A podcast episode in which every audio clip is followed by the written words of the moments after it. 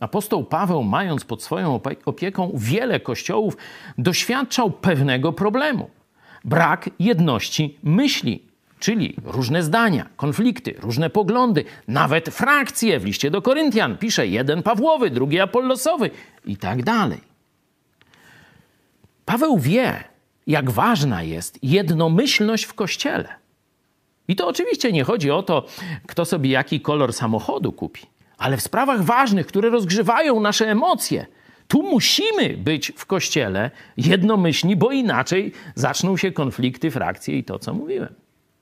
Apostoł Paweł w liście do Filipian, na przykład w drugim rozdziale, pokazuje przykład samego Chrystusa, jego poświęcenia, jego uniżenia się dla naszego zbawienia jako przykład, wzór i motywację dla nas, żebyśmy tak samo uniżyli swoje chucie, emocje i tak dalej i dążyli do wspólnoty, dążyli do jedności.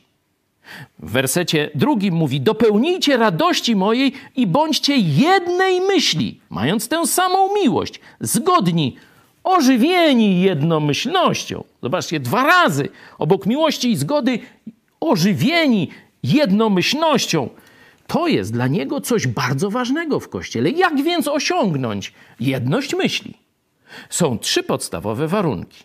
Pierwszy musisz mieć dobrą wolę. No bo jeśli ktoś przychodzi się kłócić, no to nic mu nie pomoże. On cały czas będzie na nie, cokolwiek byś nie powiedział.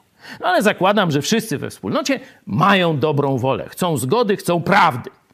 Dalej, trzeba mieć wspólne fakty dla chrześcijan na przykład, no Słowo Boże jest tym wspólnym faktem. Nie? Podobnie w innych dziedzinach życia, kiedy badamy złożoność zjawisk, które Bóg nam kazał badać, szukamy prawdy i faktów.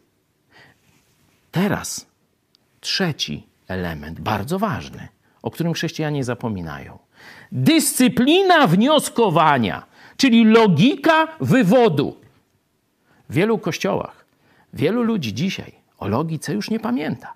Czyli z tych samych faktów, z tych samych tekstów biblijnych mogą wyciągać przeróżne wnioski. Jeśli nie będzie tych trzech elementów, nie będzie jedności myśli w kościele.